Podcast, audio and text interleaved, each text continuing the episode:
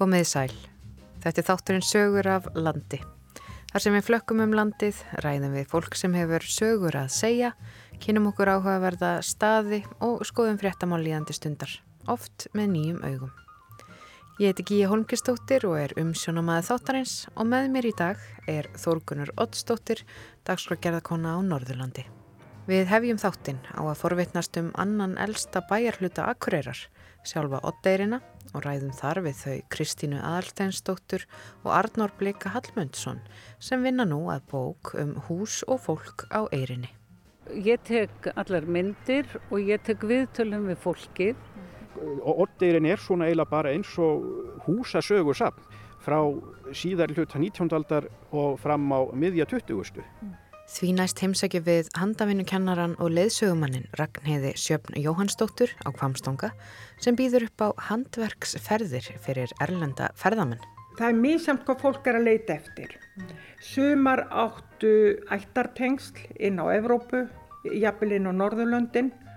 Að lokum ferðumst við aftur í tíman og heyrum við töl úr safni útvarsins frá árunni 1979 sem fyrst voru flutt í þættinum Sunnan Jökla.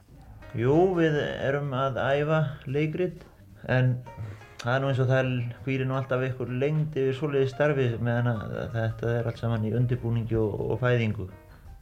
En við byrjum á Eirinni á Akureyri þar sem Þorgunur Ottsdóttir mælti sér mót við Kristínu og Arnór.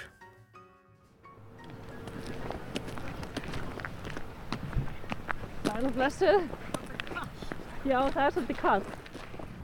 Um, ég baði um að hitta mig hérna á eðsvellinum á, á Eirinni á Akureyri vegna þess að þú ert að vinna að alveg sérstöku verkefni sem að snýr að þessu hverfi.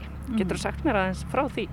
Já, ég er að vinna að bók á samt uh, vinni mínum sem heitir Arnur Bliki Hallmundsson og hann hefur skrifað mjög mikið um hús á Akureyri.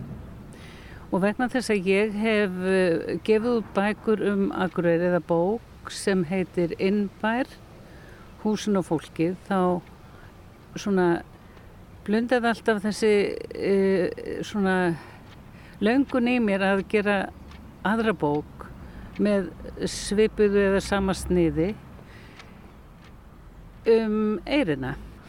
Arnór er ungur maður og ég er gömulkettling en uh, ég er í við góða heilsu og get þetta Já. og þetta er alveg dásamlega skemmtilegt.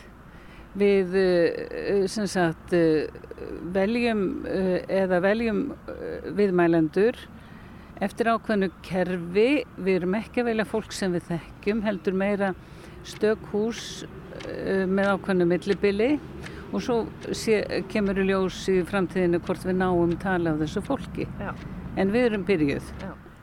og hér er fólk sem hefur frá mörg að segja og mér langar, langar til þess að rattir þeirra heyrist. Og, og hvernig tekur fólk í það? Sko, við sendum nú út bref hérna í húsinn fyrir bara tæpri viku mm. og viðbröðin eru svona nokkuð bara eðlileg. Fólk var beðið um að hafa samband við mig af því ég tek viðtölinn mm -hmm. og það, ég tók tvö viðtöl í gær og, og þetta svona er alveg farið af stað. Mm -hmm. og, og, og hvers konar já, sögur eru þetta sem að þú ert að leita? Já, hvað viltu, hvað viltu fólk segja? Ég vil heyra um eitthvað sem hefur átt sér stað í húsinu. Mm -hmm. Eitthvað sem er sérstakt við húsi, til og með hvenar það var byggt og hvað það tengsleru við upphaflega húsið og e, síðan sem sagt einhverja svona e, sögur um það sem hefur gerst í húsinu já, já. og tengst fólksins við það. Mm -hmm. Bara tilfinningarleg til dæmis og já, svo framvegis. Og þetta geta verið bara einhverjir ósköp hverstagslegir viðbörðir sem að myndu ekki kannski rata í aðrar bækur. Algjörlega hárétt. Uh, hvernig er þetta búið að vera fyrir þig? Já eins og til dæmis þegar þú sapnaði efninu í innbæjabókina. Mm. Uh, var ekki skemmtilegt að fá einhvern veginn svona tilætni til þess að heimsækja allt þetta fólk? Já, þetta er aldrei, ég hef ekki hugsað út, út í þetta þannig. Sko, ég sendi það bref til hund, í 103 þrjú heimili, 103 heimili og fekk svar frá um 80 sem er gríðilega góð svörun. Uh, engin heimsókn var líka annari. Nei. Og allir, og þá getur ímyndaður hvað þetta er skemmtilegt. ha, engin heimsókn var líka annari og uh, fólk sagði frá mjög ólíkum hlutum en eitthvað sem skipti það máli og sem lifir þá í þessum sögum. Þetta eru svona ekki beint spennandi sögur, þeir eru, eru skemmt, geta verið skemmtilegar, þær geta verið lýsandi, þær geta til dæmis verið lýsandi fyrir lífsbaráttu fólks en ég auðvitað veit ekkert hvað ég fæ að vita hér á eirinni, þetta er svo nýlega farið af stað. Já. En hvað er það sem að drýfur þig áfram í þessu? Það, þú, það, það veit ég ekki neitt um.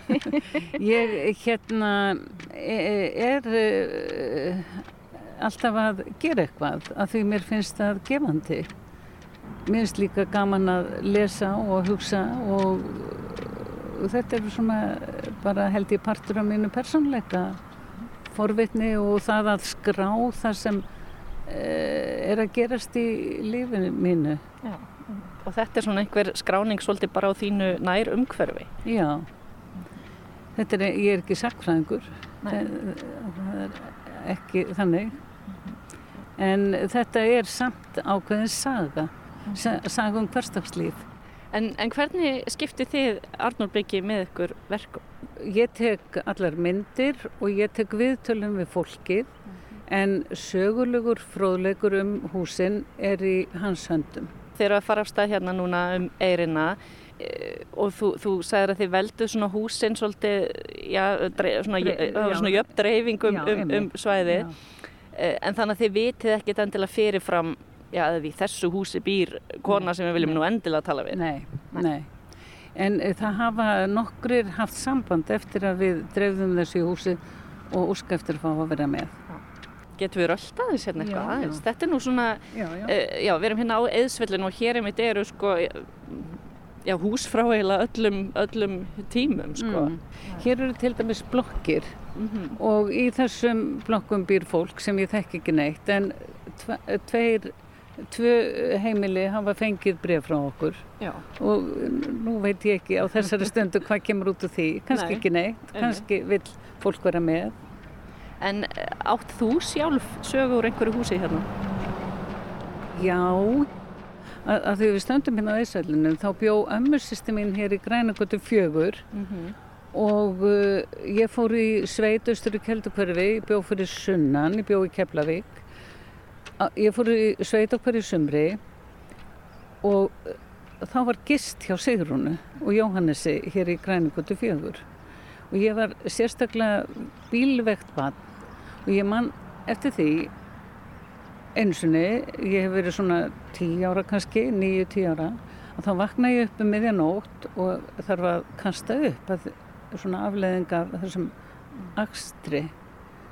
Og þá kemur Sigrún, ömmursýsti mín og hjálpar mér.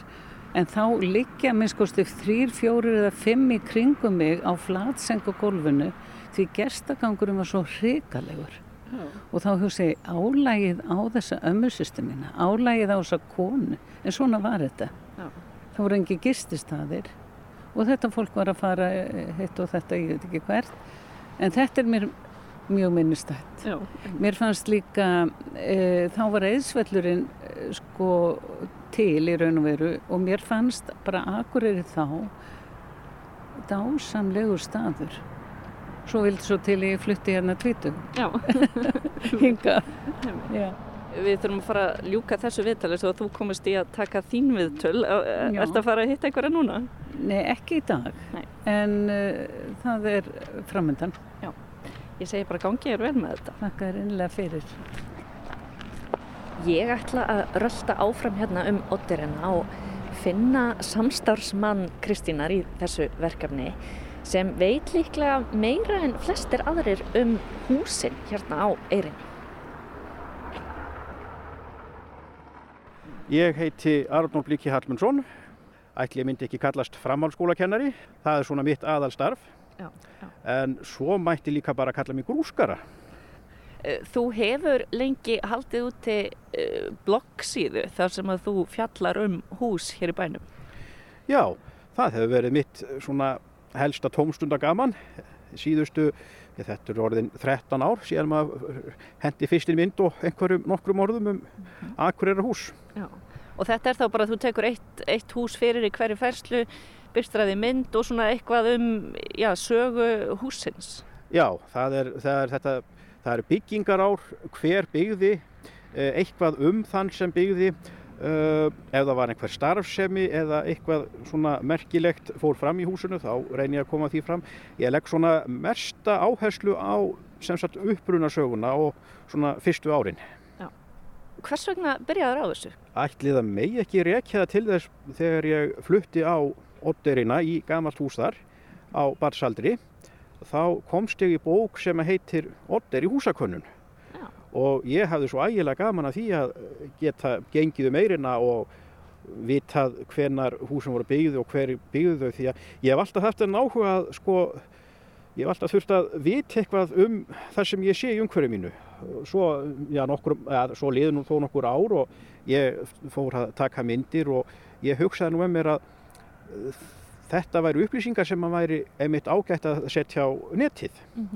Svo ég bara fór í það sjálfur að hendi þeim myndum sem ég átti og, og skrifa þarna eitthvað sem, ég, eh, eitthvað sem ég mundi þá stundina en svo setna fór ég að fara meira út í sko svona heimildavinnu og leggja svona meiri meiri metnað í þetta Hefur ekki fengið góð viðbröð við þessum ferslum? Er ekki margir sem hafa áhuga á þessu? Jú, heldur betur og fólk sem setur sig í samband við mig og bara þakkar mér fyrir og, og mjög margir sem hafa gaman að þessu. Oft er það fólk sem hefur einhver, einhverja tengingu við húsin, kannski, kannski bygguðar eða áttu af og ömmuðar og, og ég fæ yfirleitt bara einmitt mjög góðar, góða viðtökur og, og að sjálfsögðu hefur fólk samband við mig og ef það er eitthvað sem að, sem að ég, mér hefur yfirsést eða, eða farið með eða farið með einhver, einhver, einhverja ránkvæslu sem að getur, sem að getur náttúrulega alltaf gerst þegar maður er að vinna með eitthvað sem að gerðist sko, mörgum áratugum Já. áður maður fættist sjálfur. En ég er ævenlega þakkláttur fyrir alla svoleiðis ábendingar því Já. að rétt skal vera rétt. Já. Um, þú segir að þessi áhuga hafi kviknað hérna á oddrinni og nú, er, nú ertu já, aftur komin hinga. Það er að segja að þetta verkefni ykkar Kristínar, það, það snýr að eirinni. Hvað er svona einkennandi fyrir þetta hverfi? Það sem kannski er einkennandi fyrir þetta er að þetta er byggt á mjög löngum tíma og Oddeyrin er svona eiginlega bara eins og húsasögursafn frá síðar hluta 19. aldar og fram á miðja 20. Hér má til dæmis finna eina grjóklaðana húsbæjarins grjóklaði svona svipað og alþingishúsið og hegningarhúsið Reykjavík hér eru Hér eru tvö hús, þau einu bænum sem eru með til dæmis eh, steinskífu sem var algeng klæning eða algeng og ekki algeng, þau eru bara tvö orðan eftir núna.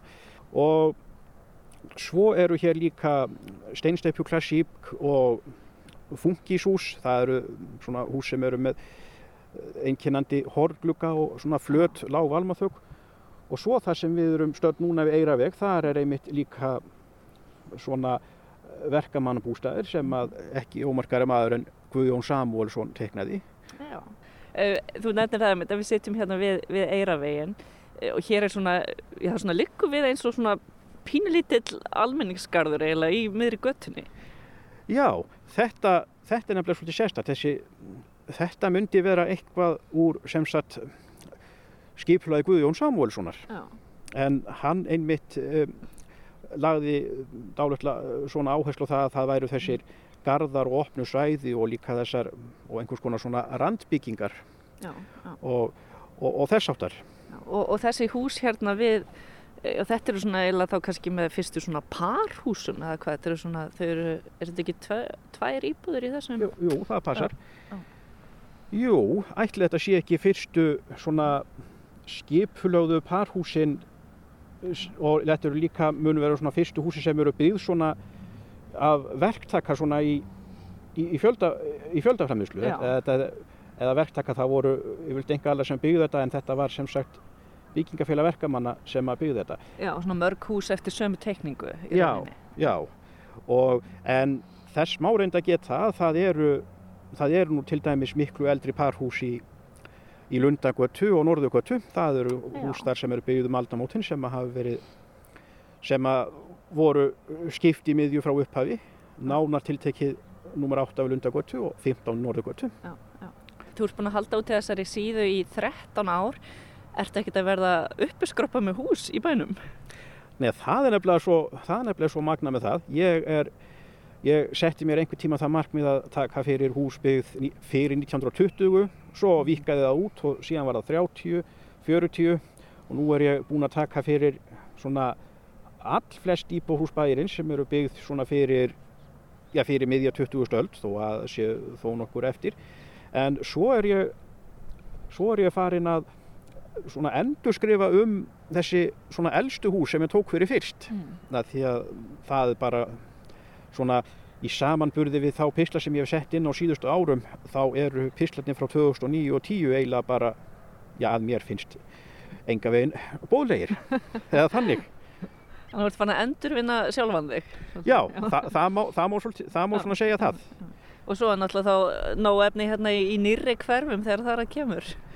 Já, já, ég sé fram á það að maður verður svolítið að dunda sér við að skrifa um kannski lundakverfi og giljakverfi svona í ellinni Já, ef, ef að maður ef maður fær ekki einhver tíman endanlega leið á þessu. já.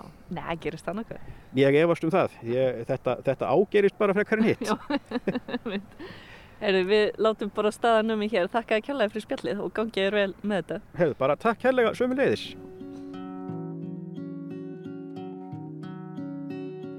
Þorgunur Oddsdóttir frættist um fyrirhugaða bók um hús og fólk á Eyrinni á Akureyri og rætti við þau Kristínu Aðalsteinsdóttur og Arnór Blika Hallmundsson. En næst er ferðinni heitið á Kvamstanga. Á hverju ári sækir fjöldi fólk sem styrki í hérna ímsu uppbyggingar sjóði um land allt. Við heimsækjum nú eina sem fjekk styrk úr uppbyggingarsjóði Norðurlands vestra til að markasetja handverksferðir og handverksnámskeið.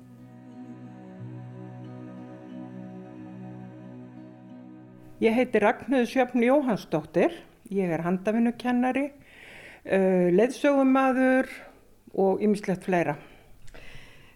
Svona áður en við, við forvittnumst að þessum, já, hver þú ert og hvað þú kemur, þá er nú ástæðan fyrir því að ég kem og tala við því að þú ert að skipuleika svona prjónaferðir og ert að vekja aðtigli á þessari handverkshefð sem er svo rík hérna víða um landið.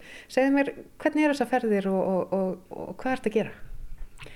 Sko þetta kom þannig til að 2009 þegar að eitthvað gerðist hér í, í fjárhagsmálum Íslendinga þá eh, hætti ég í þessari vinnu sem ég var í sem tengdi skólamálum og á og stend bara á krossgötum og hugsaði með mér og hvað ætla ég að gera nú? Og ég ákveð að uh, sagði við yfirmann minn, nei nú er ég farin, ég ætla að fara að kenna útlendingum að prjóna íslenska lópapeysu og hann sko brosti ekki einu sinni yfir þessu, honum fannst þetta mjög aðteglisvert og ég tók það sem jákvæðni og síðan fer ég að fara, fer ég í nám, til, ég held að við heitið inntæknistofnun á þeim tíma. Já. Bjarnheður Jóhannsdóttir sáum að kenna okkur uh, nokkrum konum að hérna stopna og reka fyrirtæki.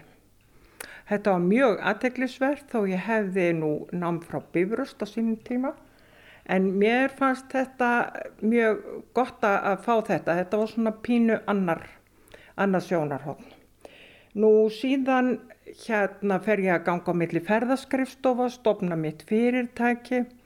Eh, Ég byrja á að kenna bara á svona þryggja fjagra tíma námskeiðum þar sem að fólk er að koma og læra prjóna bara eh, með tveimur litum. Bara svona einfalt, eirnaband, húu, eitthvað svona einfalt. Eh, Þetta bara hljómaði vel og ég fer þarna á nokkra lappa milli ferðaskrifstofa þegar ég er búin að ná góðu sambandi við tvær ferðaskrifstofur þá hérna fer svo að önnu ferðarskristunum mjög áhersum og ég næ eh, á þremur árum nokkuð mörgum ferðum, bæðum Suðurland og Borgafjörð. Þetta voru þau svæði sem ég þekkti best og mér fannst þægilegast að vinna á, á þessu augnabliki. Bæði vegna líka sko fjölbreytileika sem að var hægt að tengja beint við handverkið eins og revillin á Kolsvelli og, og fleira. Og ullarselið bæði á Kvanneri og, og líka Þingborg, þetta voru staðir sem að voru mjög hátt skrifaðir. Nú, svo hérna eh, þróast þetta áfram. Fyrsti hópurinn sem ég fæ eru konur af... Ég ætla að stoppa. Þú ert með mjög virðulega klukku. Já, ég er með mjög virðulega klukku. Hún lætu mig vita á hálfa tímanu með einu pípi og svo á heila tímanu með eins mörgum og þarf. og þetta voru fjögur píp. Já, það týðir að klukkan er fjögur. Við þurfum þá að, að klára viðtali áður en hún pípir aftur, svo hún trubla okkur ekki. En þetta Já. var skemmtileg innkoma þessara klukku, hún er mjög glæsileg. En þú vorust að segja að, að, að þá voru ferðinar. Já. Eh, en hverjir eru það sem koma í þessar ferðir ef við bara aðeins fáum það á reynd? Fyrstu gestirni mínir á sko eh, í ferðirnar það voru amerikanar. Sumir kunnu töluvert mikið og ég var alveg skjálfandar hæðslu að ég kynni mikið minn en þær. En það, ég hef nú róast með það í gegnum tíðina. Eh, það eru, það er mísamt hvað fólk er að leita eftir. Sumar áttu ættartengsl inn á Evrópu, jafnvel inn á Norðurlöndin Þar eru uh, einhver amma, hafði einhver tíman kent einhverjum að prjóna mömmunni, ömmunni og kannski þrýr til fimm ætliðir og allir kunna prjóna en prjónaþekkingin var að minga. E, svo voru næstu hópur að það voru sögfjárbændur sem eru allstaðar um heiminn og mér fannst það vera einna áhuga samasti hópurinn vegna þess að þeir þurftu að þreyfa ullinni. Mm. Ég þurfti alltaf að vera með svona hefbundin íslenskan ullarlagð með mér því að ég varð að sína þeim, svona lítur ullin út. Nú í framhalda þessu þurftu við náttúrulega að fara á staði þar sem að þær getur tekið lömp í fangið og fengið að þefa á rullinni og knúsa þau aðeins og að sjálfsög taka myndir. Já. Þú segir mikið þær, er þetta mestmægnis konur sem koma í þessa ferðir? Já, mestmægnis. Ég hef fengið uh, herramenn á stuttunámskeiðin. Ég fekk þrjá karl kennara frá Kína sem að voru að fara í kínveska skóla og ætluðu að uh, kunnu puttaprjón og þeir höfðu séð þetta á leiðsynni einhver staðar og þeir vildu læra prjóna og voru mjög, mjög dugleir og tveim þremdugum setna komið þeir aftur á útsömsnámski því þeim fannst svo merkilegt að það væri til útsömur á Íslandi þar sem að þú ert með mestmægnis á ganninu á réttunni og nánast ekkert af þræðinum á bakinu og þeim fannst sko hugsunin á bakvið svo lógisk og skemmtileg og þeir sá alveg fyrir sér að þetta væri eitthvað sem myndi henda kynveru. Og ég hef ekki heyrt af þeim síðar en þeir lækuðu myndin sem ég sett inn á Facebook. Já. En segðu mig nú aðeins eh, frá sjálfrið þér. Uh, hvaðan ertu? Ég ólst upp á Söðakróki, fætt 1955 Eftir hefbundin grunnskóla þá uh, hérna fer ég á Varmaland, húsmöraskólan og það er vegna þess að ég fekk að fengið inn á Bifuröst árinu setna þá sótti maður um og fekk svar sagt, um það þú átt inn í þennan vetur. Mm. og ég notaði uh, þennan tíma sem ég hafði, fór á Varmaland og þar kynntist ég bæði frábærum vefnaðakennara og frábærum saumakennara, Valgeru Jónsdóttir, Snjólög Guðmundsdóttir var vefnaðakennarin og þær bara kunnu allt sem að mér fannst ég þurfa að læra mm. og ég gerði það að ég bara reyndi að vinna og vinna og vinna bara og læra meira og læra meira sko. Og enda kom það sér vel því þegar ég fór uh, nokkurum árum setna búin að fara í gegnum framhaldsdeildina og kennaraháskólan að þá fer ég að kenna í Borganesi og eitt af fyrstu verkum mínu sem handafinna kennari var að aðstóða nefnanda sem vildi búið til skýrnakjól. Já. Og ég hafði einmitt gert skýrnakjól á Varmalandi. Já. Þannig að í ymsu getur maður nú lend. Já. en uh, handverkið, Já. þessar ferðir sem þú ert með og þessir hópar sem þú ert að taka á móti, Já.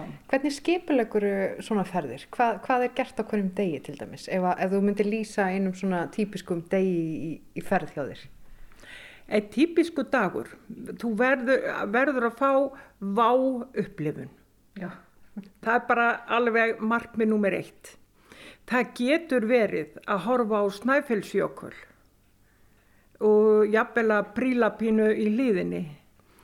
Uh, finna réttu munstrin er, eða réttu lítina í lópanum. Mm. Það er líka vá. Já. Þannig að eh, það er eftir að finna þessi vá móment mjög víða. Já. En hvernig senniði handafinninni? Hvernig, eh, hvernig hérna, setur það inn í dagskrána? Sko ég fæ lista yfir þá sem að er að koma í ferðina. Þetta geta verið svona 10-15 manna hópar, ekki stærri, mm. uh, áður en þeir koma. Og ég hef nettsamband eða bara á netinu Já. samband við þá og byrð á að senda mér hvaða langi að gera á Íslandi. Mm -hmm. Og sumir segja mér langar að gera velling, aðri segja bara mér langar að minna bara eitthvað úr íslenskri ull. Mm -hmm. Þá er ég bara með margar hugmyndir með mér Við byrjum alltaf í handbrjónasambandinu í veslunu hjá þeim vegna þess að fólki kemur með flugi og þá byrjum við þar og þá er hægt að byrja bara strax næsta morgun. Svo komum við okkur á staðin á fyrsta hótelið og það er svona velkomst dinner mm -hmm.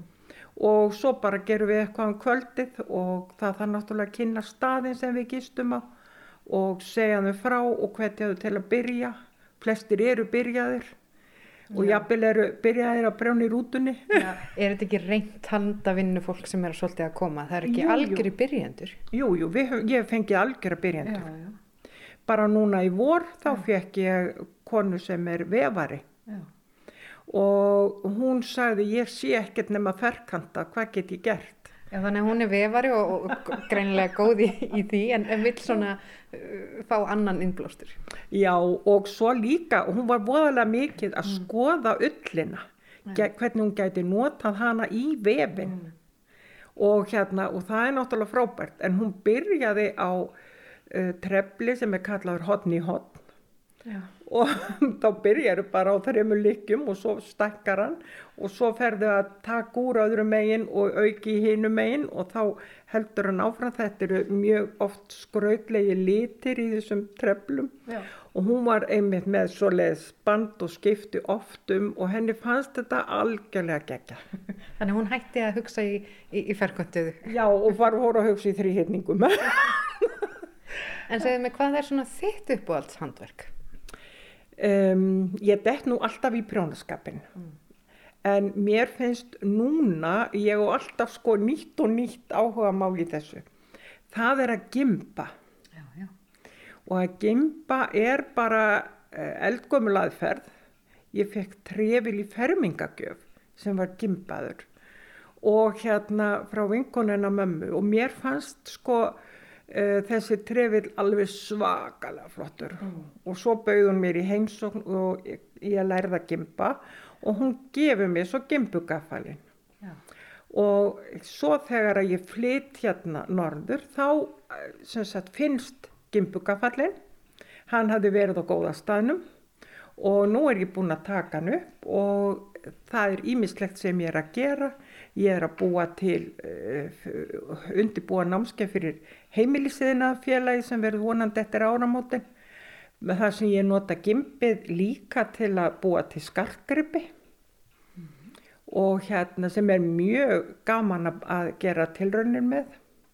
Og það er verða ímisverkefni sem finnast út úr þessu sko. Já, Ég heyri að, að það er mi mikið af hugmyndum sem er að gerjast í kollinum á þér. Hefur alltaf verið svona já, já, hugmyndarík og, og, og látið verkinn tala? Já, sennilega er það svo leið. Það heitir láta verkinn tala. Eh, sko, manninu mínu finnst ég bara svolítið vaður eini í annað. Þegar þau eru konni sko þrýr mismunandi haugar hérna á borðu. En þetta er allt verkefni í vinslu. Já, og hann veit það. já, já, ég, já, ég hef alltaf verið svona hugmyndarík. Og svo dettur mér oft í hug, ég sé fallega peysu á einhverjum og ég með mig, já, vá, ef þetta hefði nú verið þrengri ermar eða víðari eða hálsmálið öðruvísi. Sko, ég, ég er ofta spá í þessa hönnun og ég hveti mitt fólki sem er að koma á námskeið hjá mér, prófa að breyta. Hvað gerist ef þú setur nú gula rönd hérna í staðin fyrir þessa grænu? Já. Svo er eitt sem að, hérna, sko, mér finnst svo gaman að kynna fyrir útlendingunum. Það er íslenska lopapeysan. Já. Hún er jakkuð mér, fætt 55 og í reyndar eru til sögur um eitthvað fyrr. Já. En hérna, þannig að þegar að fólk kemur þá skilur það ekki hvernig við förum að því að brjóna allt á ring og ring eftir ring og klárum með ring og þetta er engin saumaskapur. Já. Og er, þetta er með ólíkjendum þegar maður fær fólk, þar er enn eitt vá mómenti þegar fólk upplifir það að, að hérna, að geta klárað án þess að vera alltaf að sauma saman. Takk fyrir að taka mótið mér hérna á heimilinu þínu á Kvamstanga og gangið vel í öllum þínum ferðum. Takk fyrir kærlega, ég lakka til. Rætt var við Ragnhiði S. Jóhannsdóttur á Kvamstanga um handverksferðir og námskeið sem hún býður upp á. En næst höldum við aftur í tíman. Gott kvöld, þetta er þátturinn sunnan jökla. Þann 14. mars 1979 hljómaði í ríkisútarpinu þátturinn Sunnan Jökla í umsjón Magnúsar Finnbúasonar. Það ræti Magnús meðal annars við Sigur Eggertsson á Efrið Þverá í Hljótslið og Þráinn Þorvaldsson í Ottakvoti um ungmennafélög á svæðinu.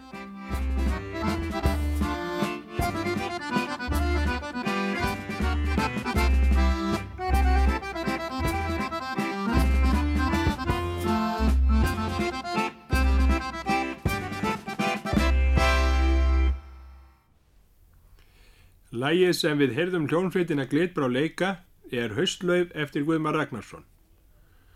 Og frá hljónsveitinni Glitbrá förum við inn í fljótslýð og tölum við Sigurð Eggertsson bónd á Efrið Þverá en hann er formaður ungmannafélagsins Þórsmörk í fljótslýð og fáum hjá honum fréttir af félagslífi í fljótslýðinni. Nú við höfum reynd að halda uppi sem mesta starfi fyrir sem flesta og sem eh, flestir getur fundið eitthvað við sitt hæfi. Við höfum verið með íþróttaæfingar yfir veturinn. Við höfum verið með badminton, frjálsar, eh, bortennis og skák. Bridge erum við með, bridgeæfingar og, og kennum bridge og svona eh, bara sem flest sem að fólk hefur viljað. En eru þau ekki að fást við leikrit núna? Jú, við erum að æfa leikrit en það er nú eins og það hvílir nú alltaf ykkur lengd yfir svoleiði starfi meðan að þetta er allt saman í undirbúningi og, og fæðingu. Já, en nú leikum þið í fyrra með ágættum árangri. Já, við vorum ánað með það starf og þess vegna fórum við út í þetta aftur núna. Þetta hefur nú ekki verið mikið ykkar hér í fljótslíðinni, er það núna í setni árin? Nei, þetta hefur legið niðri núna nokkur ár. Það var daldið unnið að þessu hérna áður fyrr, bæðið á vegum ungmennafélagsins og, og eins kirkjukórsins. En nú eru þið að stækka félagsheimilið okkar er þetta ekki? Eða, eða hvað er verið að gera niður við Goðaland? Ég sá að það er nýbygging. Já, það er verið að byggja þar barnaskóla. Við höfum verið, uh, barnaskólinn hefur verið húsnæðislaus undanfærin tíu ár og að hann hefur verið húsnæðislaust að öðru leiti því að hann hefur verið í félagsheimilinu. Og er þá verið að byggja þarna skóla við þannig að þið rými félagsheimili núna? Já, þegar hann, þetta, þessi bygging verður tilbúina þá, þá flyst hann í, í, í þessa nýju byggingu og félagsheimilið losnar undan því. Þú sagðir áðan að þú, þið væri að leitast við að finna eitthvað við sem flestra hæfi. Tekst ykkur að fá fólkið almennt virt í þetta? Það hefur gengið svolítið erfilega. Sérstaklega hefur verið erfitt að fá fullorna fólkið með til að starfa með unglingunum.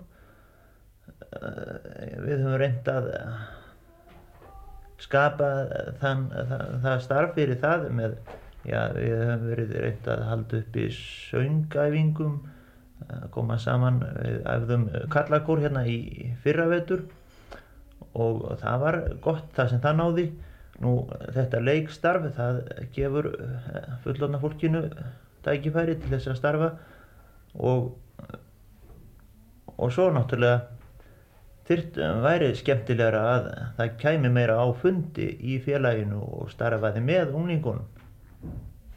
Já, er þið sem sagt meira leiðandi og, og, og það er ekki er þið ekki kynþátt að ekki kynnslóðabil hjá okkur. Það er einmitt það.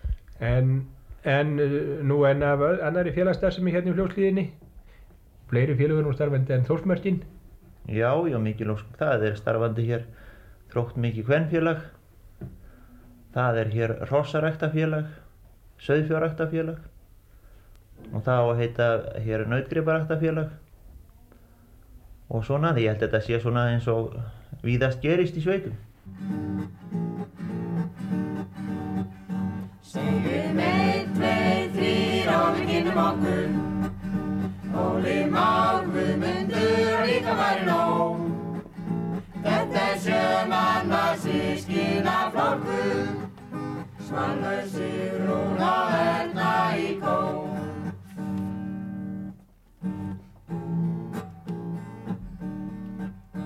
Þeir komuði saman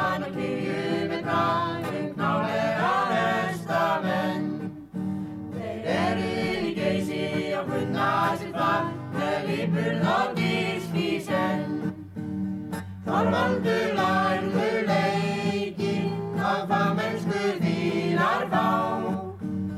Horni á létti reikinn, palli á stóra strá. Vingirnar fer í spretti, skildi hans býða mei. Hallast þó ekki detti,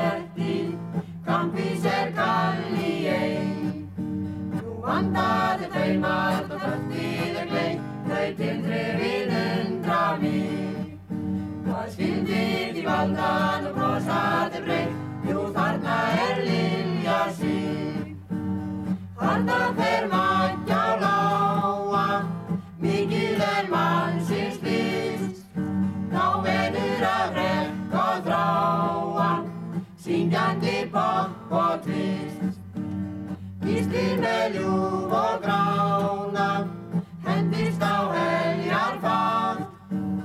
Einhver að fella fána, hann gett þetta væri stað. Þeir handa svo hópinn og syngja við raust um langbesta hestin sinn. Þeir muna, þeir muna og mun endalaust hans frábæru alveginn. Gísli svo fíkn og fattur, fljótur á tölt og skein. Byrnist þér vísna brattur, óli í hemla og reyn. Sigurður léttum gangi, lengur við blesa hæs. Fallega ríður mangi, en sjálfur hann gengur langa æsku grunn hjá margefður falleg skinn. Þar utan með geisa góðila grunn og konunum leiða með. Þarna fer Jónas Kálfur, Sigþór er bróðir hans. Tómi er hátt í hálfur, Óli með elegans. Höldum svo reyð.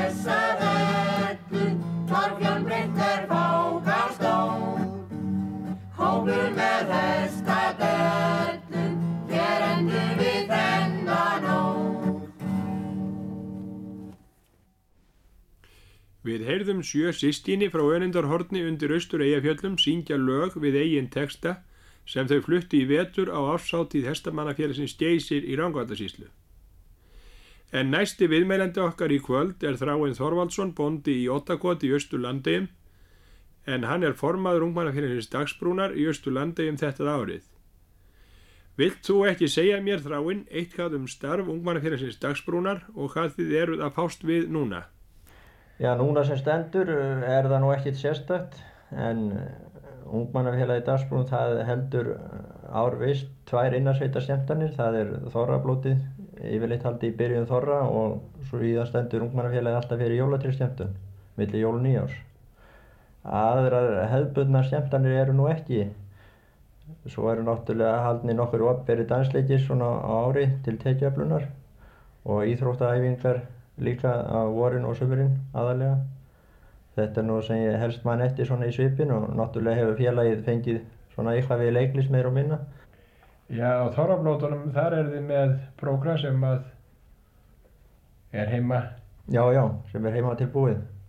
Uh, eiginlega engungu bara alveg, má segja. Hver er upp í staðan í því? Það er uh, nú leikþáttur sem við uh, höfum eiginlega alveg á hverju ári og hann stundum heima tilbúin bara.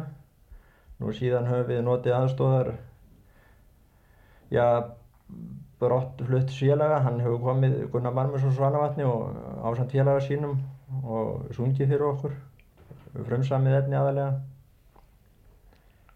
En, en annállin er ekki...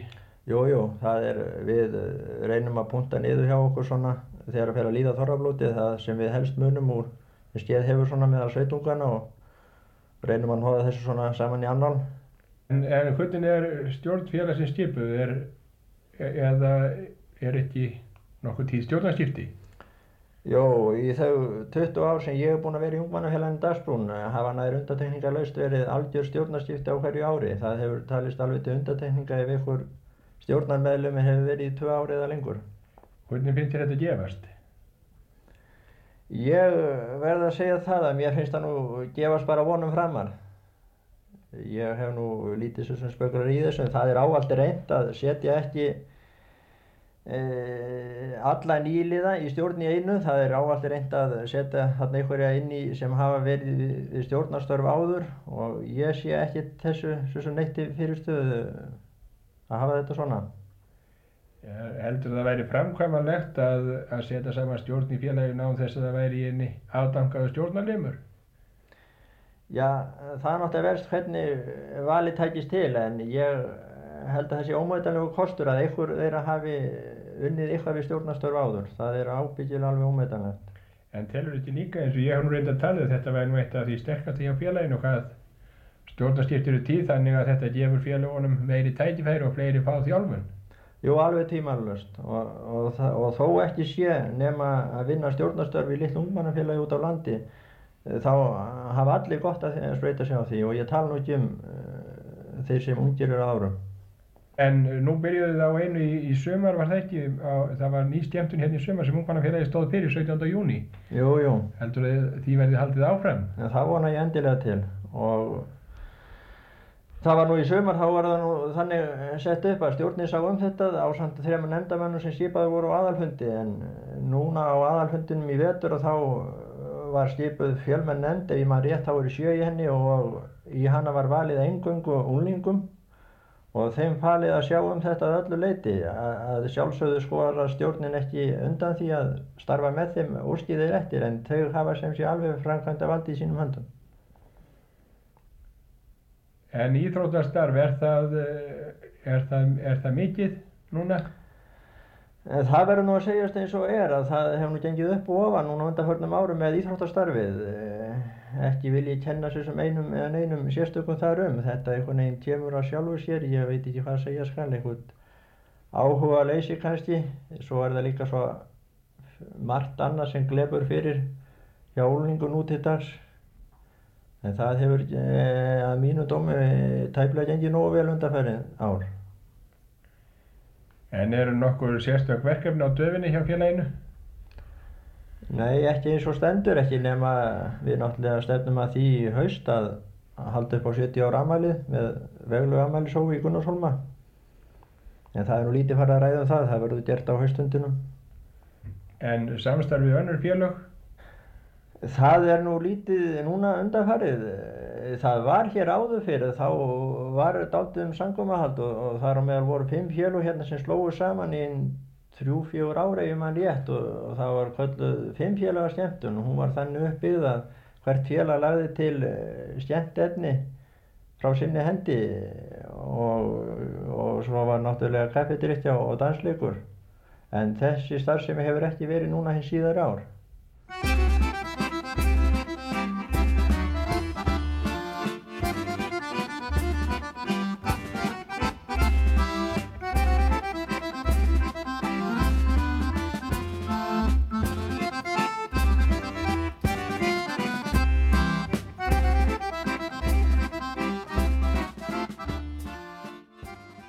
Flutt voru brot úr þættinum Sunnan Jökla í umsjón Magnúsa Finnbóðarssonar, þar sem rætt var við Sigurð Eggersson og Þráin Þorvaldsson, auk þess sem sjö sískinni frá önundarhortni sungu.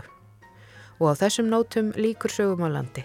Í þættinu var að auki rætt við Kristínu Aðalsteinsdóttur og Arnór Blika Hallmundsson um væntalega bók þeirra um hús og fólk á Eirinni á Akureyri. Einnig var rætt við Ragnheiði S. Jóhannsdóttur á Kvamstanga sem býður upp á handverksferðir og námskeið. Við minnum á að þennan þátt og eldri sögur af landi má nálgast í spilararúf og öðrum hlaðvarpsveitum. Við þökkum þeim sem hlýtu. Livið heil.